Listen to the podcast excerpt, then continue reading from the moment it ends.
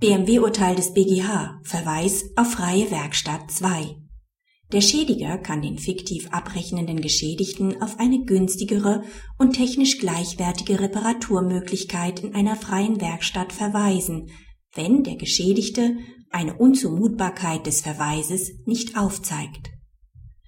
Der Kläger begehrte die fiktive Abrechnung des Schadens aus seinem achteinhalb Jahre alten BMW auf Basis der Stundenverrechnungssätze einer BMW-Werkstatt.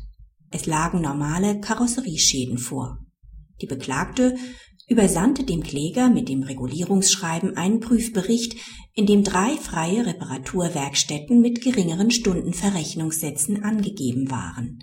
Sie berief sich darauf, dass dort eine fachgerechte, qualitativ hochwertige und günstigere Reparatur gewährleistet ist und regulierte auf dieser Basis.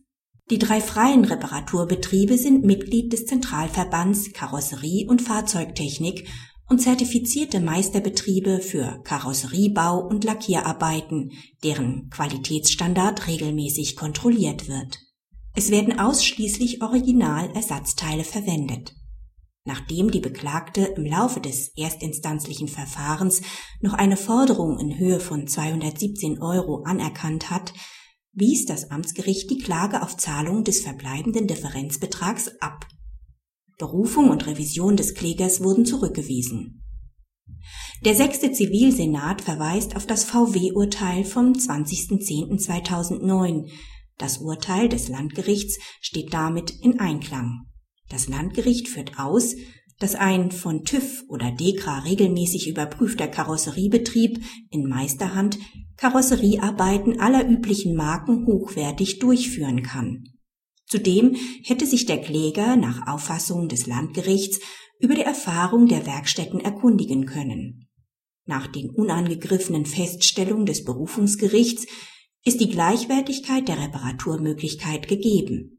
Ein Sachverständigengutachten zur Gleichwertigkeit wurde auch in der Berufungsinstanz nicht eingeholt. Der Kläger hat auch nicht zur Höhe der marktüblichen Preise der freien Werkstätten substanziiert vorgetragen, so dass das Berufungsgericht im Rahmen der Ermessensentscheidung nach 287 ZPU nicht mehr gehalten war, diesen Gesichtspunkt weiter aufzuklären. Weitere Umstände, die es dem Kläger unzumutbar machen, sich auf die freien Werkstätten verweisen zu lassen, lagen nicht vor. Insbesondere hat der Geschädigte auch keinen Sachvortrag zur stetigen Wartung und Reparatur des Fahrzeugs in einer Markenwerkstatt gehalten, sodass der BGH abschließend entscheiden konnte. Praxishinweis. Auf das VW-Urteil folgt das BMW-Urteil. Hiermit wird auch noch einmal die Darlegungs- und Beweislastverteilung bei den Werkstattverweisen aufgezeigt. Der Schädiger muss die technische Gleichwertigkeit der Reparaturmöglichkeit in der freien Werkstatt darlegen und gegebenenfalls auch beweisen. Der Tatrichter kann jedoch, wie vorliegend durch das Landgericht geschehen, auf Basis des Sachvortrags zu Zertifizierungen der Verwendung von Originalersatzteilen und Garantien Feststellungen zur Gleichwertigkeit treffen. Es ist nicht stets die kostenintensive Durchführung einer Beweisaufnahme erforderlich.